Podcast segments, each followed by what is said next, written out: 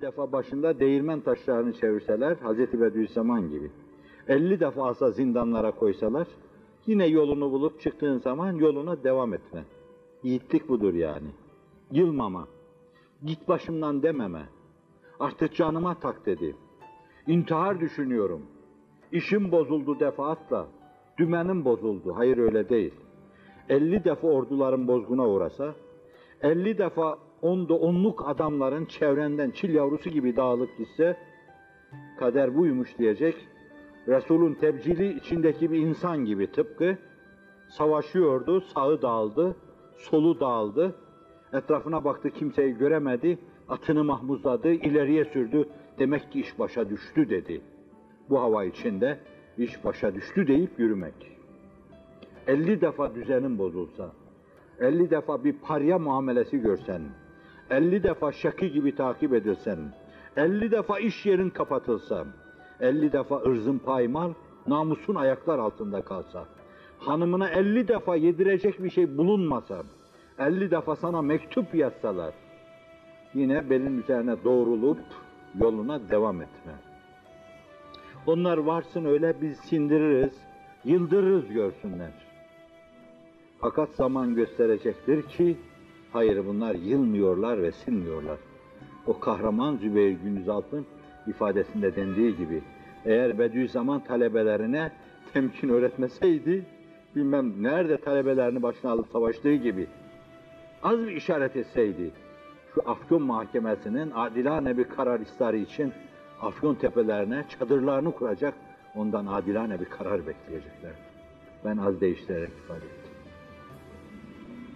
Evet, öyle olma. 50 defa alınıp götürmüşler ama bu insanların hayatlarının orta dönemini de, son dönemini de, ölümden bir hafta önceki dönemlerini de gördük.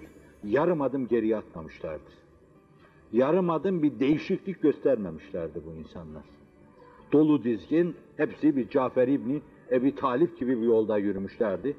Başlarına belalar sağanak sağanak yağdığı halde gözlerini bile kırpmamışlardı. Gözüm sen de nasibini al bundan demişlerdi. İşte bu mukassi görünüp mualla olma demektir. Aksi de bunun çırkanlık yapma, bağırıp çağırma, medyayı değerlendirme, dün de Aysen evvelki gün dedim don yapma, dinin kahramanıymış gibi görünme, tabi belli değil yani bir hapishaneye girmedin sen. Çoluk çocuğun hiç aç kalmadı. Üç gün, beş gün açlık nedir bunu tadmadın. Evinin kirası verilemediğinden dolayı eşyaların bir yerden bir yere taşınmadı. Belli değil ki. Sen gerçekten bir İslam kahramanı mısın, değil misin? Ve dün zaman gibi 28 sene memleket memleket sürgüne gönderilmeliydin. Hapishanelerde sana yer hazırlanmalıydı. Divanı harplerde cani gibi muamele görmeliydin. Adın unutulmalıydı. Kimse gelip seni ziyaret etmemeliydi. Seni tıraş eden berber bile istintaka tabi tutulmalıydı. Kundranı boyayan boyacı götürülüp hesaba çekilmeliydi. Bu kadar tecrid edilmeliydin.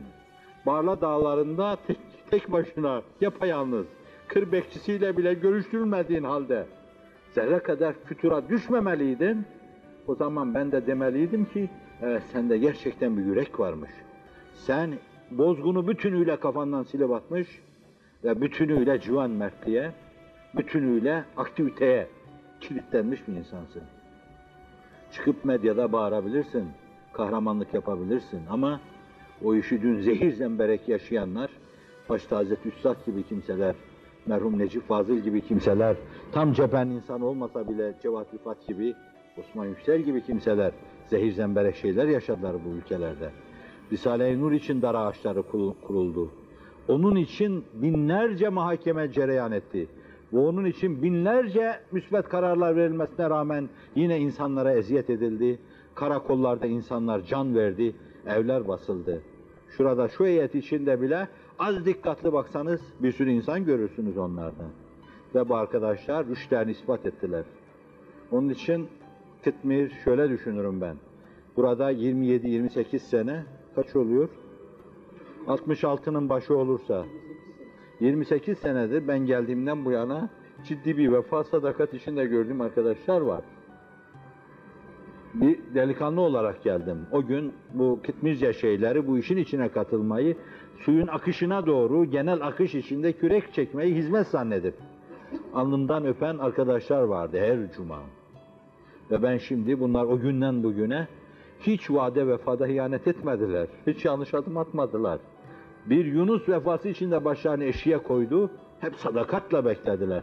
Şimdi sıra alınlarından öpme sırası bana geldi. Nerede görsem alınlarından öpmek geliyor içimden. Bu çok önemli bir meseledir. Hiç bozgun yaşatmadılar bize. Hiç falso göstermediler, hiç fiyasko göstermediler bu insanlar. Tazdik edildiler. Evleri basıldı bu insanların. Ama hep dimdik durdular.